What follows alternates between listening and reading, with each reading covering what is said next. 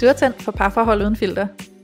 Jeg er Julie. Jeg er seksolog, og jeg har specialiseret mig i tiltrækning, og hvorfor den vi tiltrækker aldrig er den forkerte, og hvordan vi kan bruge parforholdet til at forløse os selv og hinanden. Og jeg er Louise. Jeg er selvværdscoach. Jeg hjælper kvinder med at give slip på usikkerheden, styrke deres selvværd og lære at tro på, de er gode nok. Og sammen tager vi filteret af parforholdet. Hej og velkommen tilbage til Parforhold uden filter. Så inden at vi lige præsenterer, hvad vi faktisk skal snakke om i dag, så øh, har Julia og jeg lyst til lige at anerkende, at vi faktisk har fødselsdag i podcasten. Wee! Julia, hvad siger du til det? Jamen, jeg synes, det er vildt, fordi at jeg sidder egentlig nok med en følelse af, sådan, vi er jo lige gået i gang-agtigt. Altså, vi, det, det føles vildt. Altså, hold kæft, hvor tiden flyver, og hold kæft, hvor er der kommet mange ting. Yeah. Og, altså, den der tanke om, at vi sad der i starten, og bare var sådan helt grønne, og bare havde en vision og en ambition, og så det der med, altså nu at prøve at kigge lidt retrospektivt på det, nu hvor vi er et år inde i projektet, og så se, hvor mange I er, der lytter med, og følger med, og yeah. som faktisk har glæde af det her, vi laver. Det er sådan, ja, det, det er close to mind-blowing, hvis ikke at det er mind-blowing. Ja, det er det. For mig i hvert fald. det er det virkelig. Jamen det er det også for mig. Det er helt fantastisk. Altså, som du selv siger, Julie, vi har jo kastet os ud i det her øh, på, på pure passion, eller hvad vi skal ja. sige. Ikke? Og så bare se det community, vi har fået skabt nu, og alle jer fantastiske lyttere, som er med i det her community, det er altså virkelig fantastisk. Vi er ret overvældet over, hvor, hvor meget fart det også har taget på bare et år. Øh, så, øh, så ja, vi fik en notifikation på Facebook i går om, at øh, der havde vi altså optaget vores allerførste afsnit. Øhm, så det er bare, det er vildt, hvor hurtigt både året er gået, og hvor meget der er blevet skabt på det år, og det er fantastisk. Og vi, øh, vi vil bare lige anerkende vores fødselsdag og fejre den med alle jer lyttere. Og øh, ikke nok med, at vores podcast har fødselsdag, så er der altså også afsnit nummer 50, vi optager i dag, og det er altså i sig selv også ret vanvittigt. det er lidt en milepæl, ikke? Jamen det er det virkelig, altså 50 afsnit, hold nu op, ikke? Altså, og det er jo ikke fordi, vi er færdige med at have sådan noget at snakke om, så... Øh. Det, er, det er egentlig lige godt utroligt. Altså vi, vi kiggede hinanden i øjnene, da vi startede, og tænkte, det her emne, det er godt, det er uudtømmeligt. Ja. Og at jeg sidder et år efter og har samme oplevelse, det er jo alligevel ret fantastisk. det er det virkelig, og det er, det er sindssygt dejligt. Så øhm, hurra for os og for podcasten, og hurra for alle jer lytter. Vi er så taknemmelige for, at I er med os. Og øh, hvis du er en af de lytter, der har været med lige fra starten af, så kom lige ind på vores Instagram og, øh, og hæb med, fordi så laver vi lige sådan en lille hurra-opslag, du kan hæppe på. Ja. Det kunne være ret fedt at se. Øhm, fordi det, der er noget særligt over at have nogen, der ligesom har været med under hele rejsen. Ja. Ja, så, øhm, så tillykke til os og til jer og til alt det her, vi har skabt sammen. Ja. Både øh, du og jeg, Julie, men også i den grad med alle jer lyttere, fordi det her, det er om noget en samskabelse, vi har med jer. Ja. Og øh, jamen, det er det. Og øh, så derudover, så er det tid til, vi også lige præsenterer, hvad skal vi egentlig snakke om i dag? Og i dag, der skal vi snakke om det at være i et afhængighedsforhold, eller slash og et symbioseforhold, som vi jo også kan kalde det. Så når vi går i denne her dybe sammensmeltning med vores partner og lever i symbiose, øh, som jo i bund og grund ikke er super konstruktivt. Så vi skal snakke om, hvorfor går vi i symbiose med hinanden? Hvad handler det her afhængighedsforhold om? Og hvad er det, vi kan gøre for os at gå lidt ud af det igen? Og det glæder vi os til at dykke ned i. Så øh, først og fremmest, så er der også øh, nogle stykker, der har spurgt lidt ind til, hvad vil det egentlig sige? Hvad er det der symbiose? Og øh, symbiose betyder i princippet sammensmeltning. Så det, som vi oplever, når vi kommer til verden, det er, at vi går i symbiose med vores mor. Det har vi behov for som spædbørn, der kommer til verden. Men øh, på et givet tidspunkt, så skal vi ud af den symbiose igen og blive et selvstændigt individ. Øhm, og det er en helt naturlig proces, men som voksne, så kan vi have en tendens til i vores parforhold, at gå i symbiose med hinanden, og det kan blive ret destruktivt. Mm. Så, øhm, så, så det her med at være i symbiose, det er den her oplevelse af at blive dybt afhængig af din partner, og sammensmelte. Og øh, det skal vi snakke om. Så Julie, jeg har jo lyst til først og fremmest at høre dig. Hvilke erfaringer har du med symbiose slash afhængighedsforhold? Åh, oh, ikke så lidt. okay. Nej, guilty. Jeg har også været i et symbioseforhold. Og nogle gange, så kan jeg faktisk også godt tage mig selv i, på en eller anden måde, måske at længes lidt efter det igen. Og jeg tror egentlig, at det taber meget godt ind i noget af det, du siger her i starten, Louise, det her med, at man jo finder rigtig meget tryghed i den her symbiose og i den her sammensmeltning, fordi det er jo lidt følelsen af at gå fra at være et individ til at være en enhed. Og, og jeg synes jo også, at, at når vi snakker om symbiose, så har jeg i hvert fald en, en mission med, at, at det ikke også, altså at det ikke udelukkende sådan er en negativ ting, det kan være utrolig problematisk, og det er jo ikke symbiosen i sig selv, jeg advokerer for, men det her med, at, at man er afhængig af et andet menneske, det er faktisk også rigtig stort at tillade sig selv at være det på en eller anden måde, eller være i dyb forbindelse med et menneske, og turde læne sig ind i en tillid til et andet menneske, og en tillid til en relation, man har til et andet menneske. Øhm, fordi mm. at noget af det, jeg kan se, der kan blive lidt kontrasten til det symbiotiske forhold, det er det meget individualistiske forhold, hvor man kører meget sådan parallelløb med hinanden. Øhm, og jeg tror nogle gange, at, at når man, man svinger ind i den ene yderlighed, som kan være symbiosen, så for at komme ud af den igen, så kan man jo godt have brug for at svinge helt over i modsatte grøft og blive meget individualiseret i parforholdet og fred være med det. Men man skal også, efter min bedste overbevisning, finde tilbage til et eller andet lejde, hvor man læner sig ind i relationen og har tryghed til den, men på et andet grundlag end det, som man kom fra, da man indledte den her symbiose tilstand med hinanden. Fordi ja. at den jo typisk kommer fra en eller anden underskudsforretning, hvor det er mere sådan en crave eller need, og hvor det andet, øh, når man har været ude i den, det andet yderpunkt og er blevet mere individualiseret, så kan man læne sig ind i det på en mere, øh, hvad kan man sige, stabil måde, hvor det i højere grad er tilvalg frem for necessity. Sådan hvis du kan følge mig, mm. Øhm, og, og ja, jeg har haft min færre share øh, usunde symbioseforhold. Øhm, det har set ud på forskellige måder.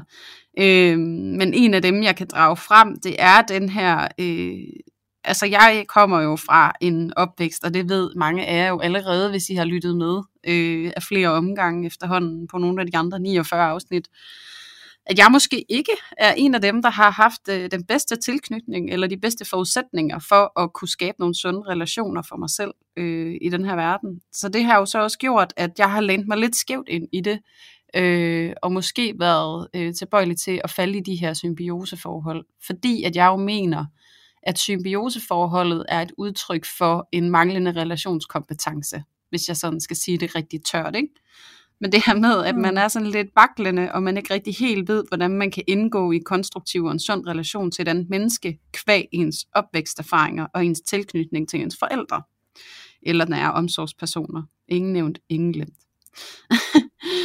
øhm, så jeg har jo været lidt dårlig fra start, og jeg har jo så øh, haft lidt svært ved at indgå i en relation på en hensigtsmæssig måde, og øh, ja, jeg kom i et symbioseforhold, og det jeg ligesom mærkede i den konstellation, det var lidt den her følelse af, jeg kan ikke uden dig. Øhm, mm. Hvis ikke jeg har dig, så ved jeg ikke, hvad jeg er, eller hvem jeg er. Altså, du er mig, og jeg er dig, og det er os to mod resten af verden. Øhm, og det er jo sådan lidt, altså, det, det bliver lidt karikeret, men det var vidderligt sådan en følelse af, at hvis ikke, altså det er sådan en følelse af, at jeg har min ene lunge, og du min anden lunge, og jeg kan ikke rigtig få luft, hvis ikke du er her. Øhm, og det er jo mm. også især som afvigende, så havde jeg jo sådan en oplevelse af, øh, sådan en frygt for svigt og blive forladt, og hvis jeg så endelig lænede mig ind i en relation, så skulle den fandme også være der. Øh, fordi det æder med med mm. risky business for mit vedkommende, fordi at jeg har sådan en, en grundantagelse om, at jeg bliver svigtet, ikke? fordi det er det, jeg ligesom har ja. udledt af, af det, jeg kommer fra, ikke? at det, det er et vilkår her i livet. Mm.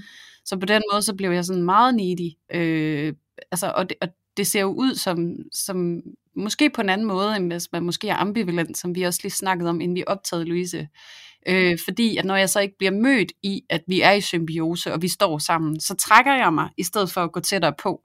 Øh, og på den måde, så kan man jo stadig godt se den her afvigende tilknytnings... Øh, øh, hvad hedder det, øh, tilknytningsmønster, øh, som jeg har.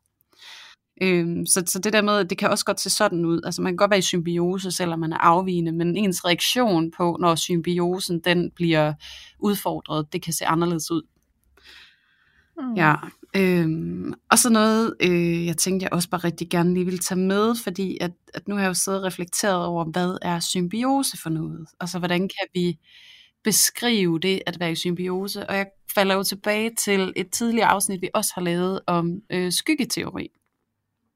Og, og den her øh, tese om, at vi som udgangspunkt er to hele øh, entities, to hele øh, enheder, hvis man kan sige det. Og så øh, går vi igennem livet, og vi bliver formet og modelleret, og øh, nogle egenskaber bliver fremhævet som værende gode. Øh, dem finder vi ud af, dem kan vi bruge til noget, det kan vi vinde på, dem kan vi blive elsket på.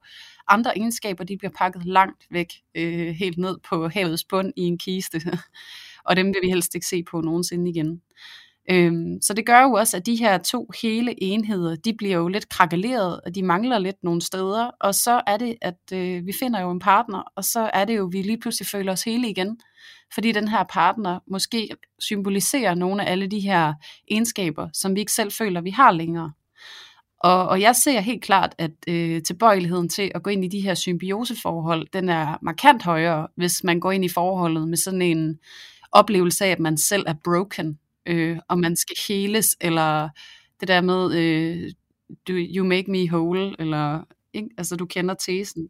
Og ja. jeg tror rigtig meget, altså sådan i mine indledende øh, refleksioner over det her symbiose-begreb, at, at det er det, sådan, jeg henfalder på, og tænker, at, at det er der, skoen ofte trykker. Ikke? Altså man kommer bare med... Mm et krakeleret og udfordret udgangspunkt, og så, så prøver man ligesom at finde sig selv i, i samskabelsen med den anden, ikke? Altså, og så på sådan en ja. lidt krævende måde, ikke? Ja. Jo, præcis. Hvad, hvad, tænker du, hvad tænker du om det, Louise? Jeg er helt sikker på, at du sidder med et eller andet, og bare sådan, jeg også. ja. ja, jo jo, altså det sidder jo og øh, spinner rundt i hovedet på mig også. Ja. Øhm, jeg sidder sådan umiddelbart bare lige og kommer i kontakt med den her antagelse, jeg har om, at det er de utrygt tilknyttede, der oftest går i et afhængighedsforhold med hinanden. Og grunden til, at jeg siger det, det er egentlig fordi, at jeg ser denne her tendens til, at når vi har et, øh, øh, hvordan skal jeg forklare det, altså når vi ligesom har et hul inde i os selv, der er et eller andet sted, vi er blevet dybt svigtet, mm. øhm, så finder vi en, der har det på samme måde, så bliver vi stærke sammen. Ja, præcis. Den der med, så, så fylder vi hinanden ud der, hvor vi har et hul. Ikke? Mm. Øh, hvor at når vi ikke har det hul, jamen så har vi det fint med at have vores eget ståsted, samtidig med at vi har en relation øh, fælles med et andet menneske. Ikke? Så jeg har sådan en øh, illustration, hvis man forestiller sig to ringe, to cirkler. Ja. Og de her to cirkler, de, øh, de illustrerer hver person i parforholdet, og så kan man så nærme de der to cirkler sig hinanden, indtil de bare lige har et lille øh, midterstykke, der lapper ind over hinanden. Mm. Og det lille midterstykke inde i midten, det er ligesom der, hvor at vi har vores fælles øh, common ground, og så har vi stadig vores individuelle ude i siden. Mm. Ikke? Men hvis vi lader de her cirkler overlappe 100%, jamen så er vi fuldstændig sammensmeltet. Ikke? Og det er ikke det, jeg tror på er sundt for en relation. Mm. Øh, fordi vi netop også kommer til at føle, at nu er min identitet sammensmeltet med din, så hvis vi en dag går fra hinanden, så går jeg i stykker. Ja. Og så falder jeg fuldstændig til jorden, så ved jeg ikke, hvor jeg skal stå henne. Så ved jeg ikke, om jeg overhovedet kan trække vejret og leve. Ikke? Ja, altså, øhm, og, og, det, og det er en frygtelig følelse at have, og det er jo også derfor, jeg ser, at øh, både per egne erfaringer, men også hvad jeg tror på, at, at når vi går i afhængighedsforhold med hinanden, så er det frygtbaseret. Ja. Det er simpelthen denne her følelse af, at jeg kan ikke stå stabilt i mig selv, jeg har brug for nogen at læne mig 100% ind i, som skal holde mig. Ja. Øhm, og så gør vi det, og så bliver de en, øh, så, så bliver vi afhængige af, at de er der, fordi ellers så falder vi. Øhm, og og det, det er jo så det, der bliver destruktivt, fordi vi så ikke selv kan stå. Ikke? Ja. Øhm, og så er der jo øh, selvfølgelig mine egne personlige erfaringer og oplevelser, og jeg er jo faktisk vokset op i symbiose med min mor, øh, som, oh, ja, jeg ved ikke, hvor, jeg ved ikke, hvor jeg skal starte, eller hvad jeg skal sige, men altså sådan, jeg kommer over, det ved de fleste af jer, der har lyttet med længe, I ved jo godt, at jeg kommer fra en opvækst, hvor min far han var alkoholiker, og øh, min mor og ham blev separeret, da jeg var fire år gammel, og øh, det, var, det var noget værre rod med min far der. Øh, så der er meget traume og meget svigt, og øh, det var der jo både over for mig og over for min mor, og der tror jeg simpelthen, det at min mor og jeg vi blev alene, og der ikke var særlig meget andet familie, det, det betød sammensmeltning, fordi så var vi ligesom de to tilbage, der måtte holde fast i hinanden og, og sådan klare det her sammen. Mm. Og som jeg voksede op og blev ældre, fordi en symbiose kan godt være relativt naturlig, når du er ret lille, men som du vokser op, er det også vigtigt, at du bliver selvstændig. Øhm, og det blev jeg så nok bare ikke i samme grad. Øh, og jeg kunne også mærke, at min mor havde et enormt behov for mig. Så vi fik faktisk et, øh, hvad jeg synes er et usundt afhængighedsforhold til hinanden. Øh, og, og det var sådan noget med, jamen, øh, hvis vi ringede til hinanden, og telefonen ikke blev taget, så var der ren panik, ikke? Altså sådan virkelig med, med, med voldsom panikhandlinger og så videre, ikke? Så, så det, øh, ja, der var mange ting i det, der blev ret dysfunktionelt, som vi så også har måttet arbejde sammen på og træde ud af, mm. ikke? og finde vores gode balance i at være to voksne mennesker adskilt, som selvfølgelig er i en, i en dyb relation til hinanden. Ja. Øhm, og det kan jeg jo Ja, hvad siger du? Jeg vil bare høre, hvordan, hvordan kan, det kunne være, at du skulle lige til at sige det. Men jeg så bare sådan, okay, men hvordan, ja. hvordan så det ud i dit parforhold så? Præcis, og det var det, du skulle til at sige.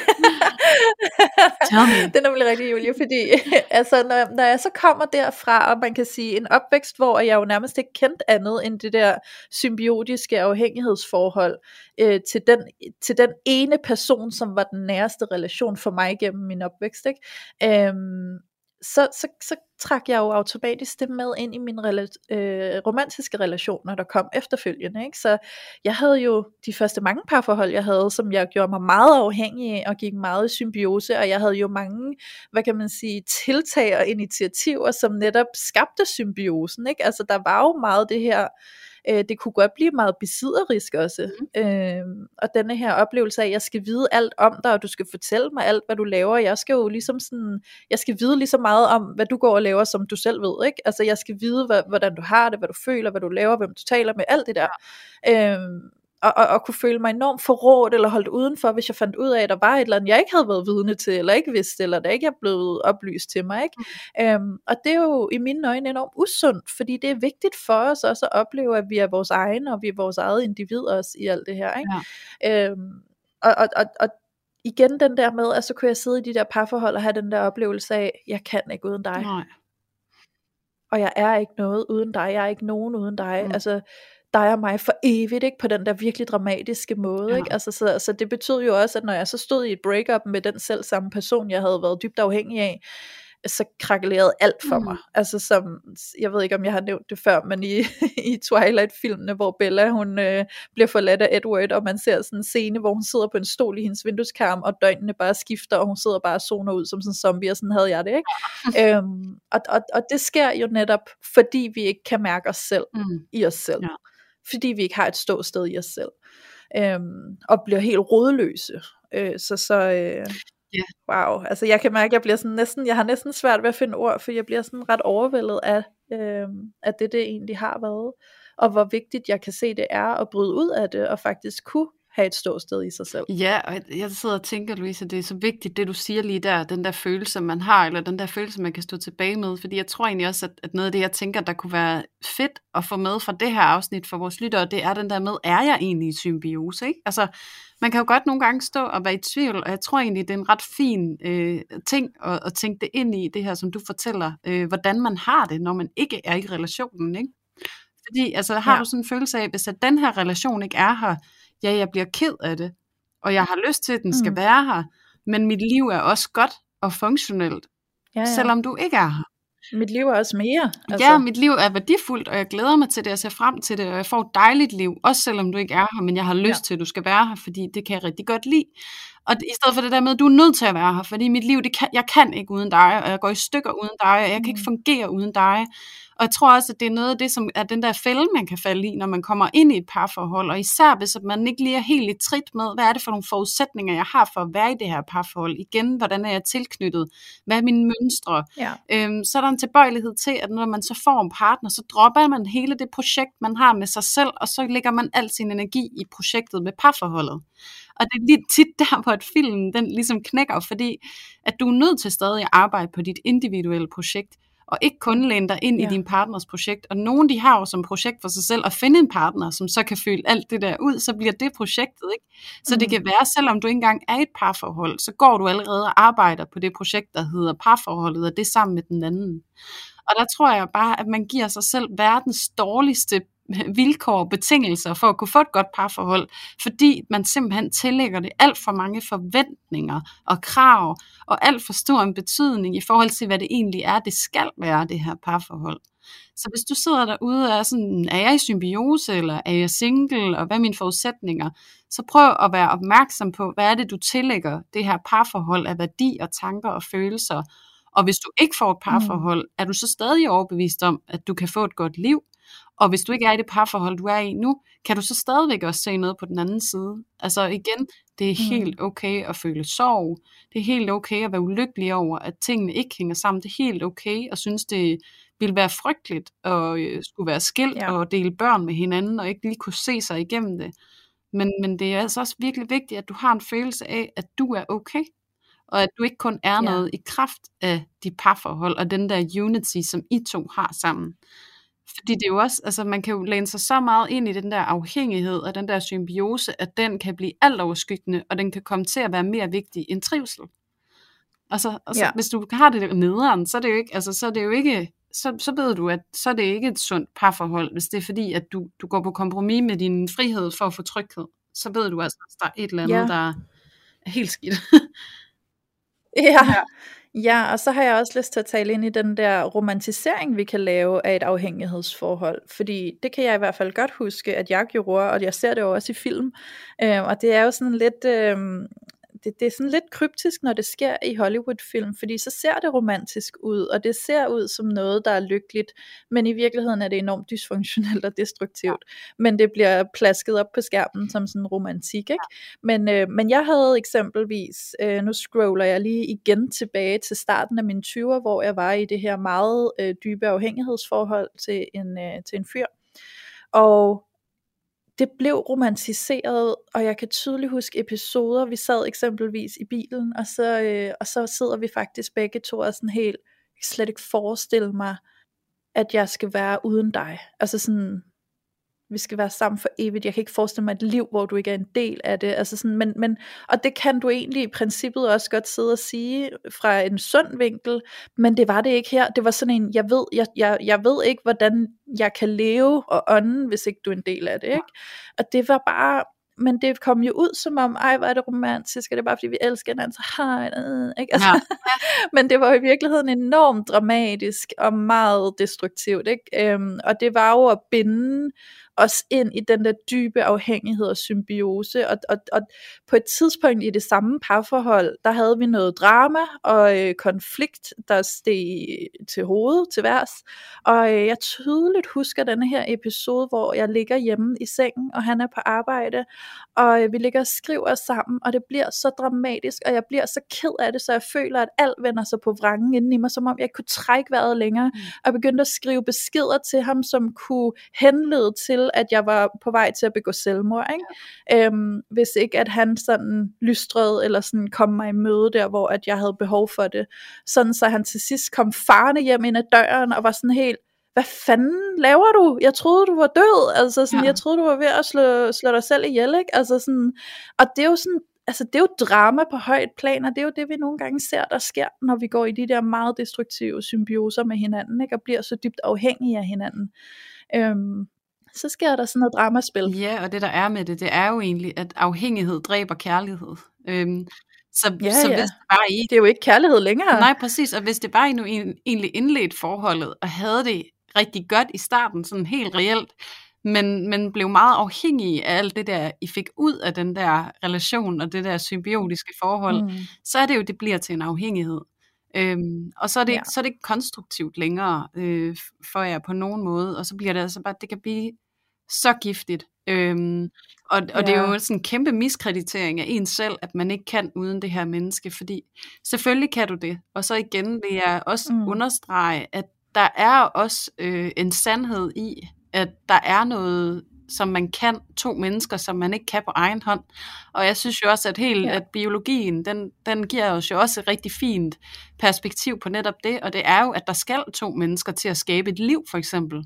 Og det synes jeg er også en fin ja. manifestation af, at, at flere ved mere, altså to kan mere end en.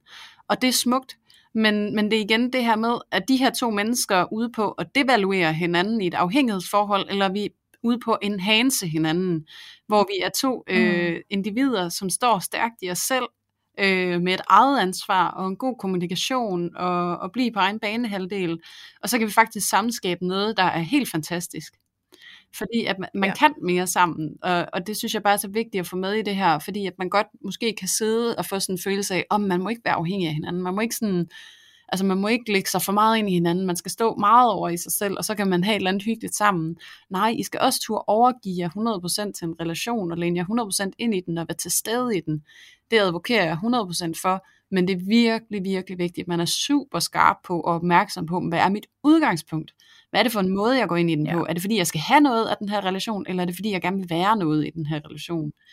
Og, og det der med at blive ja. ved med at vende tilbage til en eller anden form for selvrensagelse, hvor man spørger sig selv, er jeg stadig en, der bidrager i den her relation, eller er jeg en, der feeder på den her relation? Er jeg en, der er afhængig af den her relation, for selv at kunne Mm. fungere?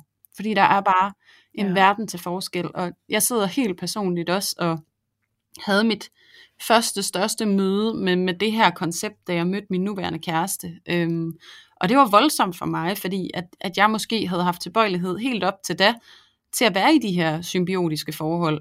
Og, og det her med, at han mm. så kigger mig i øjnene og siger, jeg vil gerne være sammen med dig, men det er også okay, hvis vi går fra hinanden, fordi jeg ved, jeg får et godt liv.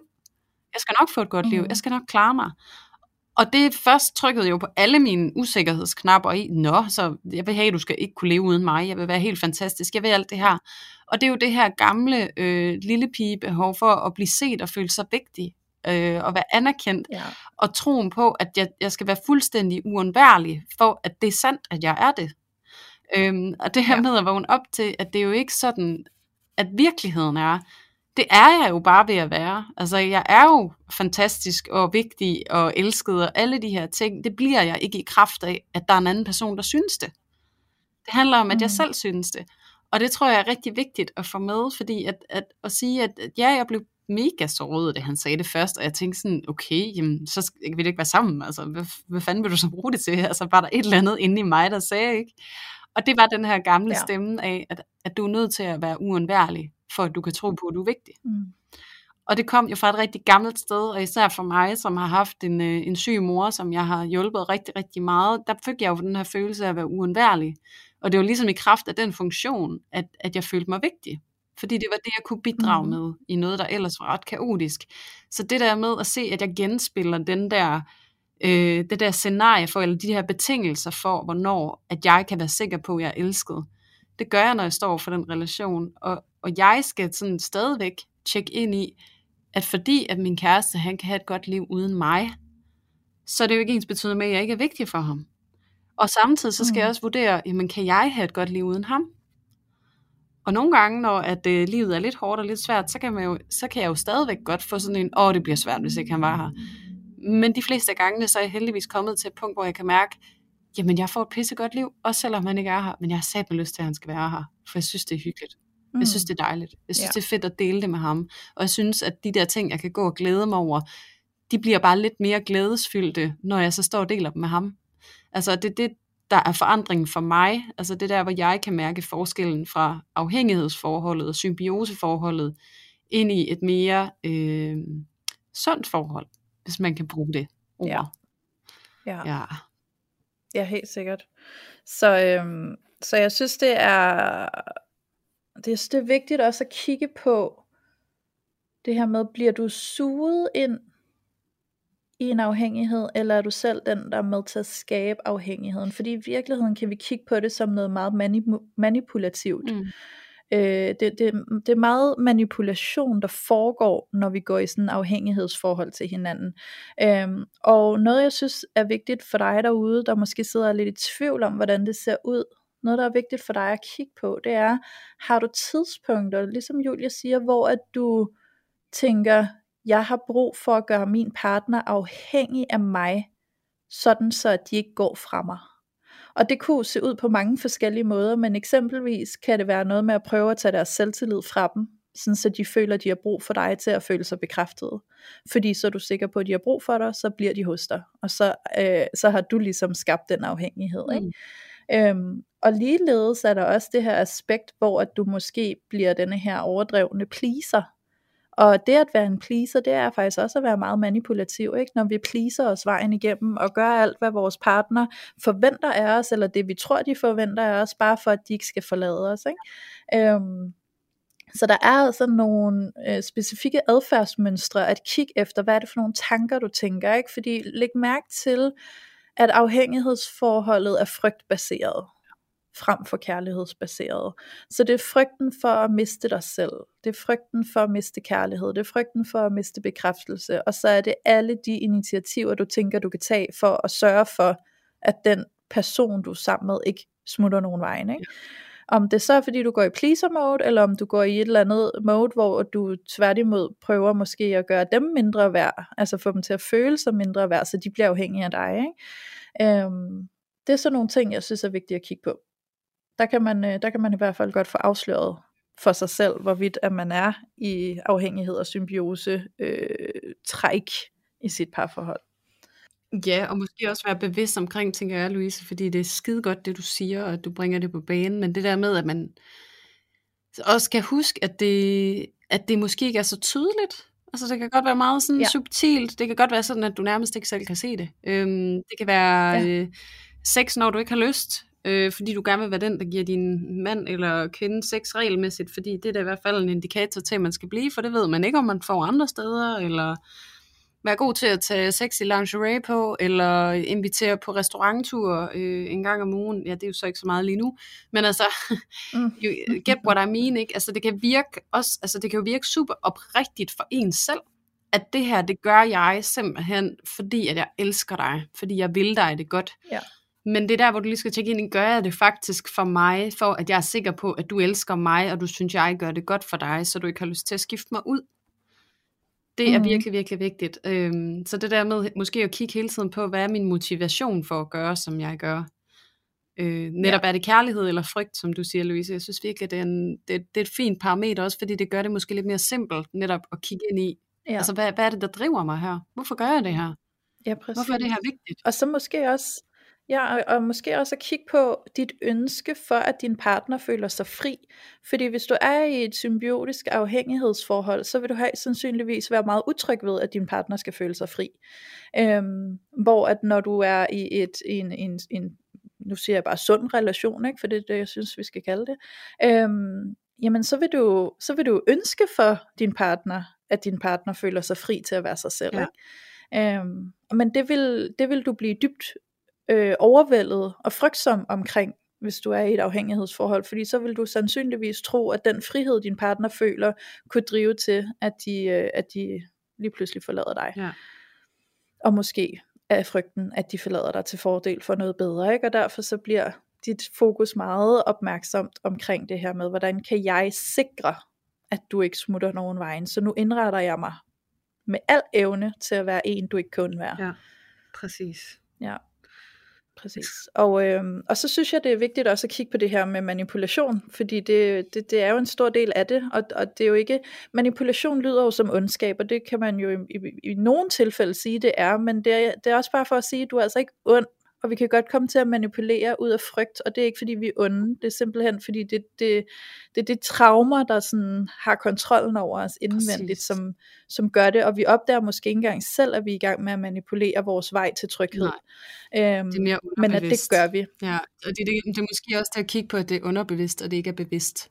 Ja, eksempelvis så, så ser jeg det tit i det der pleaser-adfærd, ikke? at vi tror, at jamen, jeg pleaser jo bare, fordi jeg vil have, at alle skal være glade, men i virkeligheden manipulerer du faktisk folk ret meget. Ja, fordi du, du, du pleaser dem faktisk ikke så meget for, at de skal være glade, det er det du tror, men i virkeligheden pleaser du dem for, at de skal være glade for, at de skal kunne lide dig. Så det er faktisk en manipulation, du har gang i. Men det er ikke sikkert, at du selv har opdaget det. Nej. Og det er sådan nogle ting, der er vigtige at få øje på, for når vi får øje på dem, så kan vi begynde at, øh, at få den indsigt, vi har brug for, for at kunne ændre på det. Præcis. Og kunne øh, komme et mere sundt sted hen med os selv, hvor vi også stoler på, at vi er okay, selvom alle ikke kan lide os. Ikke? Og at der er også ting og visse aspekter ved dig, din partner godt ikke må synes om, og det er ikke ens betydende med, at du er i farzonen.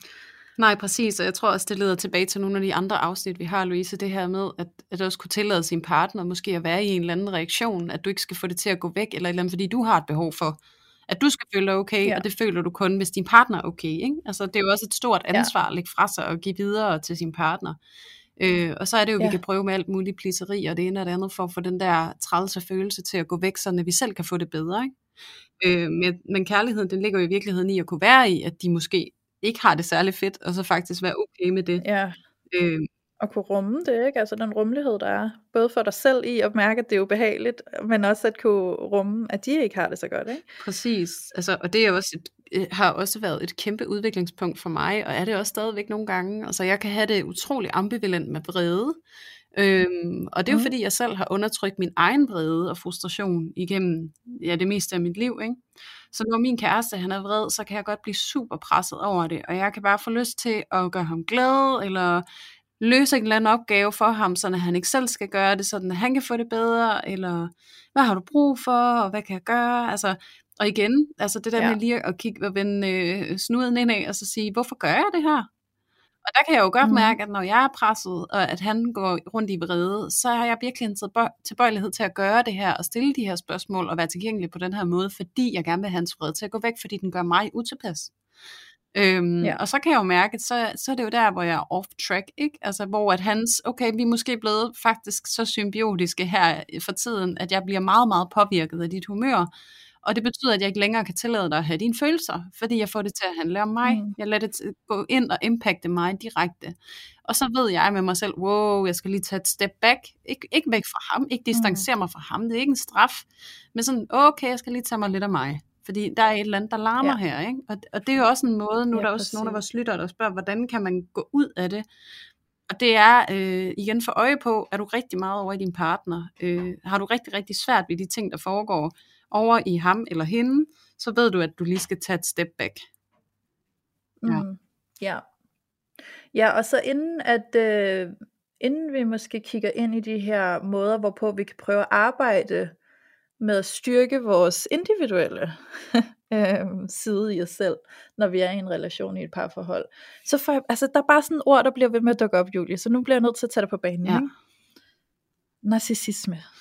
Åh oh, ja, det er der også en af jer, der har skrevet. Ikke?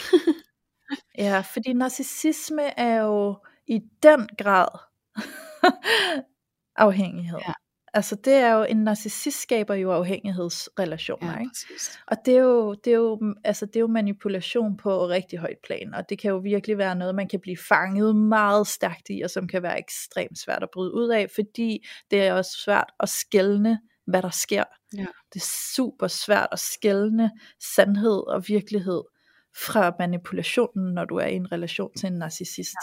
Ja. Øhm, så, så ja, nu bliver det bare en sidebemærkning, jeg skyder ind her. Det kan være, at vi en dag måske skal have et afsnit, der decideret handler om narcissisme, men, men det er egentlig også bare for at skyde den ind, for der kan måske sidde nogen derude, der ikke er bevidste om, at der måske er nogle narcissistiske træk i spil mm. i det her afhængighedsforhold, du er i, og derfor kan det være enormt svært, og man kan føle sig enormt fanget i det. Mm. Ikke?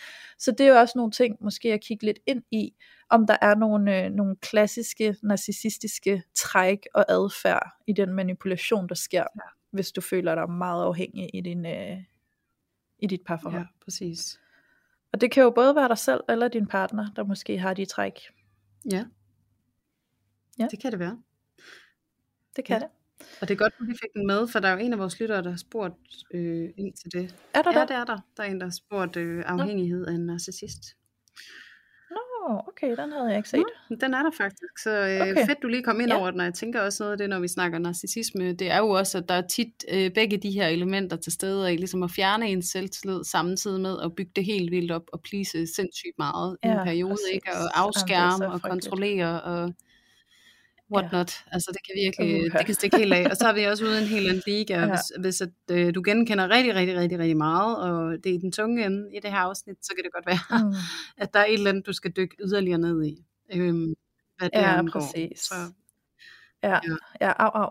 Og så skal vi også passe på med narcissisme, fordi der er nogle træk i narcissismen, som øh, kan minde meget om nogle træk, du også kan have uden at være narcissist. Så også pas på, at, øh, at du ikke går rundt og så øh, putter en hel masse mennesker i narcissismekassen, uden at de nødvendigvis hører til der. Fordi det er altså en, en, en, en hård og kraftfuld, øh, eller hvad hedder sådan noget, det, det er en hård diagnose at sætte på folk. Ja, det er det. Øh, som ikke nødvendigvis er det, men som bare har nogle træk fra det. Fordi ærligt talt, så måske hvis du lige tjekker din egen adfærd, så kan der også være et par checkboxer, du kan sætte under en narcissist på dig selv, uden at du faktisk er narcissist. Ja, øh, fordi der er også nogle af de der narcissistiske træk, som i virkeligheden minder rigtig meget om helt ganske almindelige, meget usikre træk. Ja. Øhm, så det er også bare lige for, at, at der ikke bliver skabt sådan en kultur med bare lige at gå og name droppe en narcissist her og der og til højre og venstre. Det er så glad for, at du siger, Louise, fordi det er virkelig også blevet sådan en slem ting, at man går og, og øh, diagnostiserer alting. Så det er jeg faktisk glad for, at du lige siger, ja. og jeg stemmer 100% ind i det. Fordi at øh, ja. vi er ikke psykiater, vi skal ikke gå og diagnostisere folk.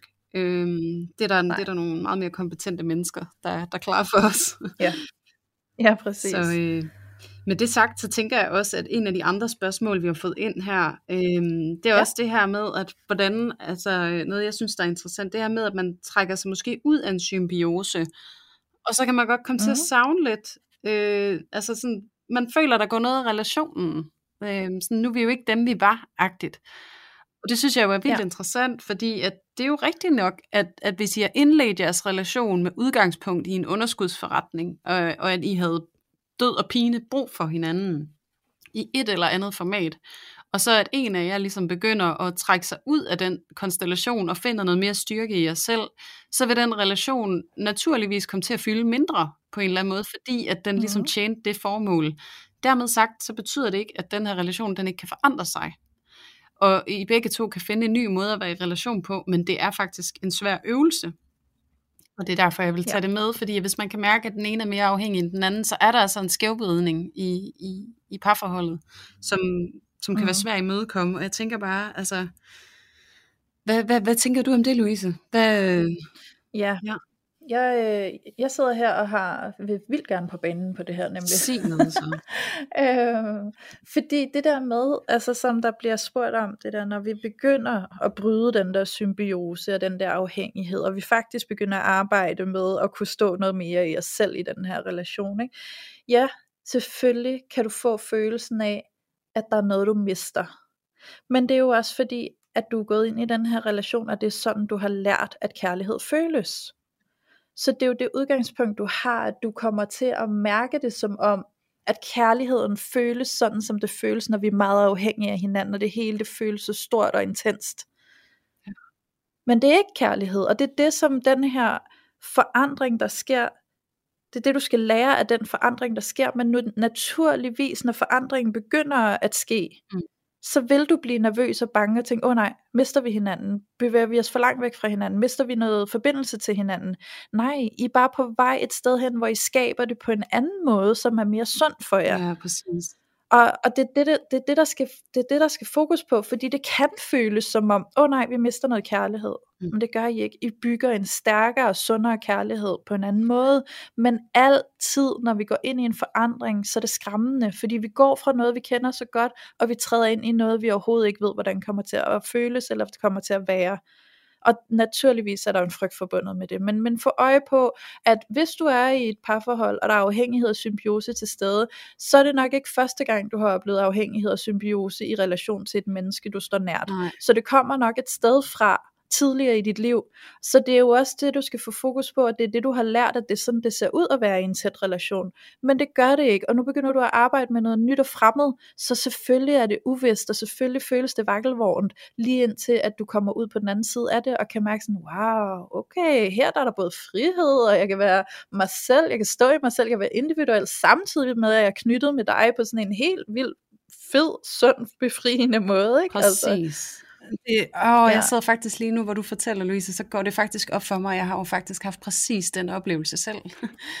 øhm, ja. Og det kunne jeg virkelig godt tænke mig lige at dele, fordi jeg har altså også været i et parforhold, hvor vi var sindssygt meget symbiose. Vi kom begge to fra noget, som var rigtig svært, og vi fandt utrolig meget tryghed i at stå sammen. Altså virkelig også to mod resten af verden, og, og bygge det hele op med hinanden. Ja. Ikke?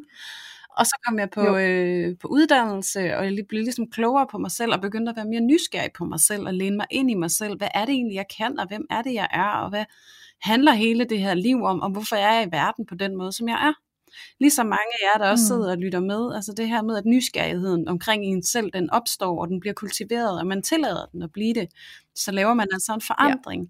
Og jeg kunne mærke, at noget af det, der skræmte mig rigtig, rigtig meget ved at gå ned ad den her vej, det var, at jeg følte mig mindre og mindre connected med min partner. Og det var jo fordi, at jeg mm. i stedet for at finde styrken i vores relation, så fandt jeg den jo i mig selv lige pludselig. Og så lige pludselig, så stod jeg også i den her situation, hvad skal jeg så bruge dig til? Hvad skal jeg bruge vores relation til? Fordi jeg ved faktisk ikke, hvad den er, når den ikke er det her. Og, og der var ja. løsningen så også, at vi ikke skulle være sammen, øh, for mig i hvert fald. Og det var fordi, vi kunne simpelthen ikke mødes mm. i det der. Øh, fordi at, at jeg var klar til noget andet. Og så sjovt nok, så var det også noget andet, jeg fik i det næste parforhold. Så det her med at, at gå efter sin gut feeling også, og hele tiden at ture og søge indad, og så også tillade det, der er ude omkring dig, at forandre sig, fordi det gør det. Når du forandrer dig, så forandrer dine relationer sig også. Og det er ligesom, at vi kan have sådan en fortærsket idé om, at det er os to til vores dages ende, som er sådan en rigtig disnificering af, hvad vi tror, at parforhold det skal være, fordi det er vi, det er vi opfostret med rigtig meget. På samme måde så har vi det også med vores venskaber, at vi er venner altid for resten af livet. Og sådan er det altså bare ikke, fordi vi mm. forandrer os hele livet, og vores relationer forandrer sig, fordi vi får nogle andre behov, fordi at vi får en eller anden ny måde at være i verden på. Og igen, det er jo ikke fordi, du skal afskrive alle dine venner, eller gå ind og blive skilt, eller slå op med din kæreste. Det er bare det her med, at jeg synes, at vi er nødt til også at gøre det mere okay, at vi er mennesker, som er i proces, og det er vi, så længe vi er her. Mm. Og at vi forandrer os, og så ja. forandrer vores relationer sig også. Og så er det, vi er nødt til at revurdere, og tage op til overvejelse, hvad er det, vi to vi skal med hinanden, og kan vi det? Fordi jeg ja. har fundet ud af mig, og jeg er sådan her, og jeg vil gerne den her vej, hvad, hvad skal vi så? Kan du komme med mig, eller at du, vil du noget andet? Og igen, det er jo sådan en forventningsafstemning, og sådan en relationsregulering på en eller anden måde. Sådan, hvad vil vi, og hvad kan vi? Og, og det, der skete for mig, da jeg gik ind i den forandring, og turde læne mig ind i, i mig selv, og blive mere nysgerrig på, hvad fanden jeg var her i verden for, og hvordan jeg var her i verden, så, så var jeg nødt til at stille de der svære spørgsmål. Og jeg kan bare sige, hvis du sidder derude af symbiose, jeg synes, det virker helt ufremkommeligt og ganske uoverskueligt og også rigtig frygtsomt, så vil jeg bare sige, at jeg har haft utrolig meget glæde af at turde læne mig meget mere ind i mig og mit, og få vidsthed og klarhed omkring måden, jeg er til stede på, og mine relationer og de relationer, jeg har fået, har været markant anderledes, siden jeg tog det valg. Mm. Øhm, så det er også bare ja. en, for at sige øh, og give en motivation for, at, øh, at du har så meget at byde på. Og når du vågner op til det, så får du også nogle relationer, som har sindssygt meget at byde på, ironisk nok, ikke? Altså, så det der med, at i mm. stedet for at tro, at vi giver hinanden så meget, fordi vi er så symbiotiske med hinanden, vi er så sammensmeltet, vi er så meget en unit, og på den måde, så skaber vi mm. noget helt fantastisk. Så, så vil jeg bare sige og advokere for, at der kan altså også bare ske noget endnu mere fantastisk, som du måske ikke har oplevet mm. endnu, ved at I kommer to mennesker og genererer noget for jer selv, så kan I altså generere noget meget kraftfuldt sammen, i stedet for at I kommer og feeder på hinanden, og lænder ind i en afhængighed ja. med hinanden.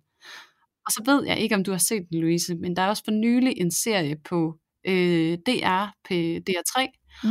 Og den hedder Lover, og noget af det, der er interessant, det er, at de her to mennesker, de kommer i rehab, de skal i afvending. Og de er på det her afvendingssted, ja. og så ender det med, at de her to, de begynder at være sammen og forelske sig hinanden. Og noget af det, som de her øh, afvendingsrådgivere, de siger til dem, det er, at I skal ikke have en romantisk relation her, fordi I tager bare den gamle afhængighed og putter den ind i et kærlighedsforhold. Ja og så er der ikke nogen af jer, der er i bedring, fordi I, I praktiserer bare jeres afhængighed på en ny måde. Og det, der er fælles ja. for dem begge to, det er, at de har haft et hårdt liv. De har det svært med sig selv. De har svært ved at være i verden. Der er nogle følelser, de undertrykker. Der er en måde at være på, de føler, de ikke har adgang til. Og derfor så, så eskaperer de fra verden. Ikke? Altså de flygter fra verden mm. ind i enten et kærlighedsforhold, eller ind i nogle stoffer, eller ind i noget helt tredje, fjerde. Så det her med, at hvis ja. du er på flugt, så er der også en stor sandsynlighed for, at du ender i en symbiotisk tilstand med den menneske. Så prøv at være på mm. vagt øh, over for dig selv, og være rigtig, rigtig nysgerrig på, om du er okay med dig selv, og om du er okay med at være i verden, om du er okay med at kigge på dig selv og være med dig selv. Fordi at ja. det, det giver altså bare, altså det lyder totalt klichéagtigt, og nu skal jeg passe på med, at jeg ikke selv begynder at disnificere tingene, ikke? men øh, jeg har haft sådan en, øh, sang på repeat inde i mit hoved, nærmest siden jeg lavede den her livsforandring, og det er den der Et helt nyt liv fra Aladdin. Fordi jeg synes, at den beskriver den, den tilstandsforandring meget godt for mig. Altså det var det er følelsen af Ja. at vågne op sådan, Gud, du farver verden. Hold da op, altså er verden så stor? Altså, og det er jo også noget af det, som, som jeg ved, Jytte Vigelsø også snakker om, det her med at udvide sin båndbredde, ikke?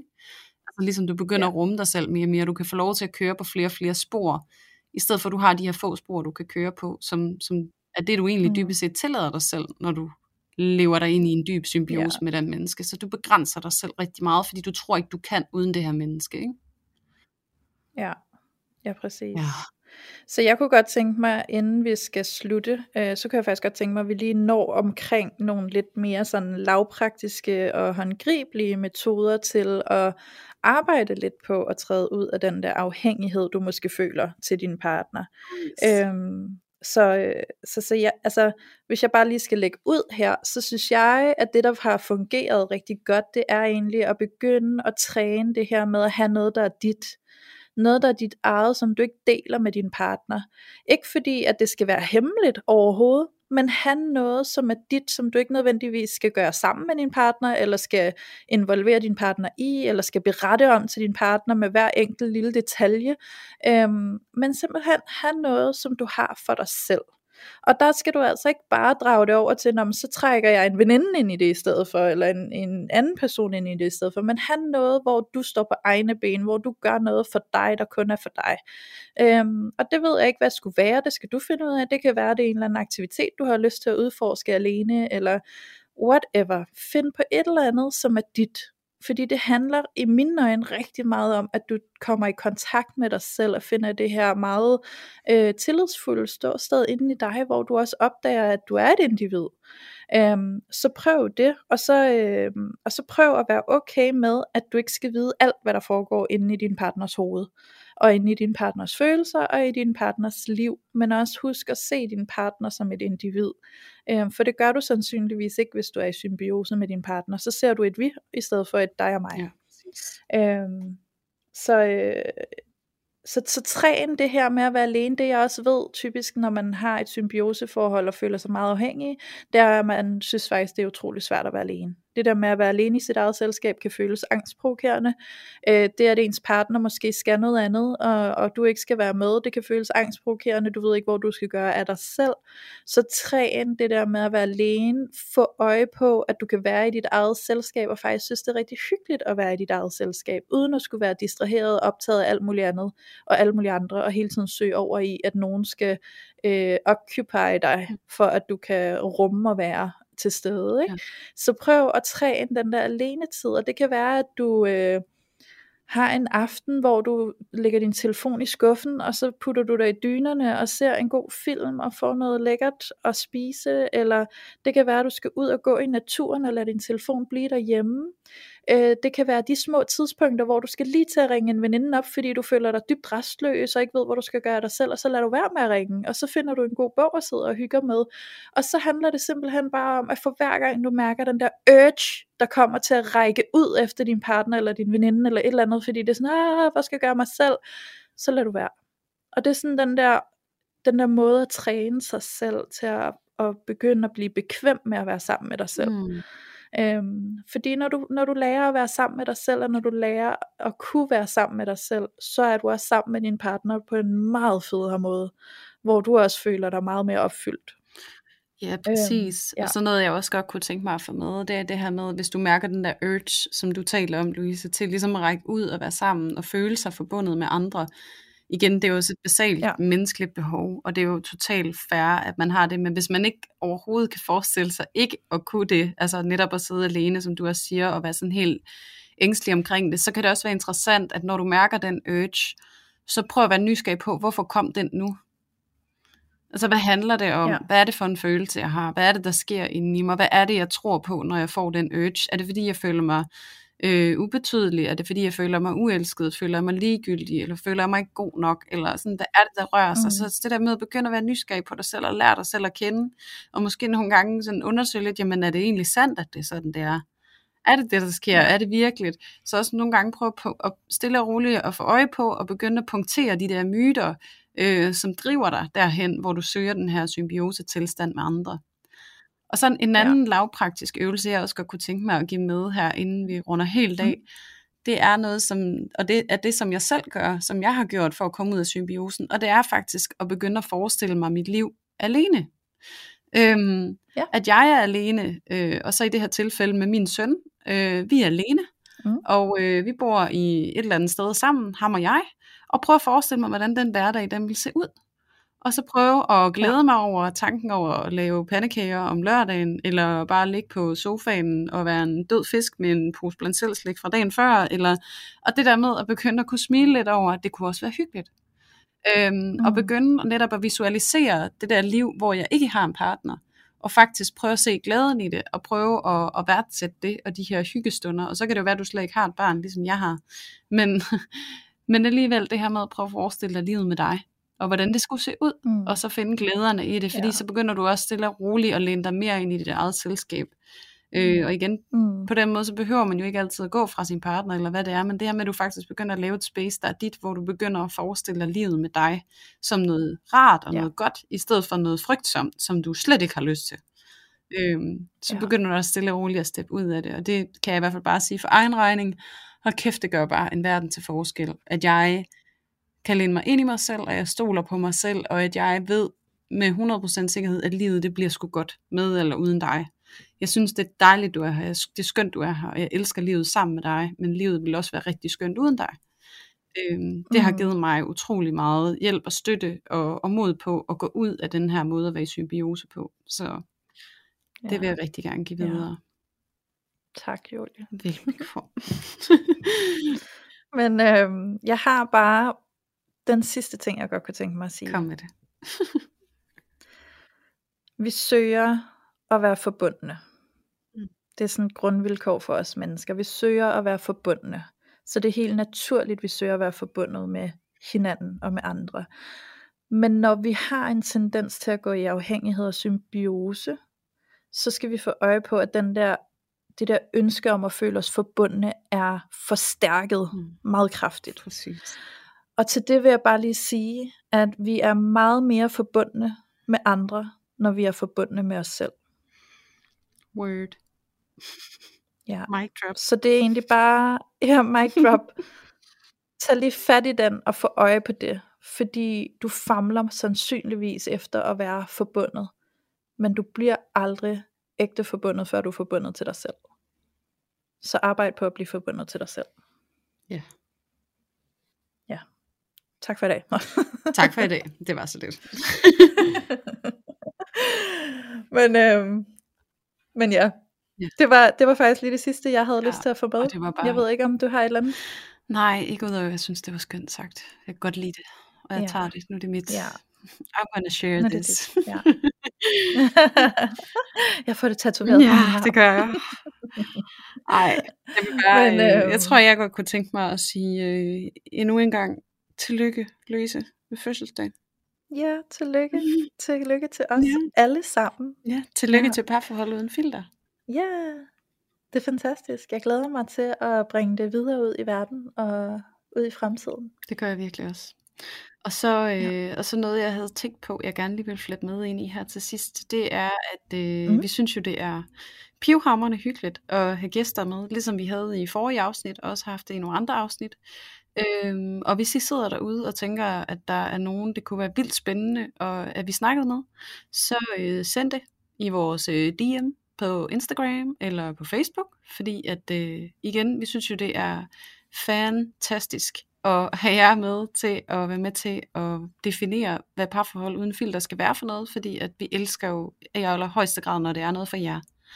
Øh, vi samskaber ja. det her, og øh, så byd ind endelig, og også igen en opfordring til at byde ind med nogle temaer eller udfordringer, øh, fordi så tager mm. vi dem gerne op igen. Det er fuldstændig udtømmeligt ja. det her. Vi kan snakke i en evighed, så I fyrer bare løs.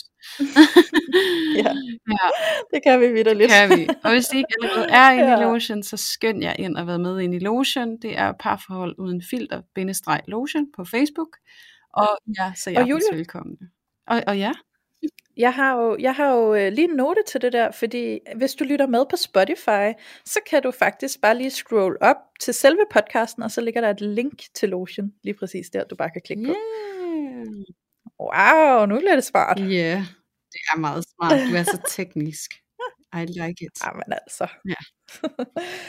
Men øhm, så tænker jeg, Julie, du får lov til lige at øh, sige øh, endegyldigt farvel for i dag. Men inden du gør det, så siger jeg også bare lige tusind tak for i dag. Tak til alle jer, der har lyttet med. Og jeg glæder mig til, at vi ses igen på næste mandag. Ej, hvor godt. Og så siger jeg også bare mm. tusind tak for i dag. Det har endnu engang været en kæmpe fornøjelse, og øh, vi glæder os rigtig meget til, at I skal lytte med. Og lytte til alt det, vi har snakket om, fordi det er så skønt, når I er der.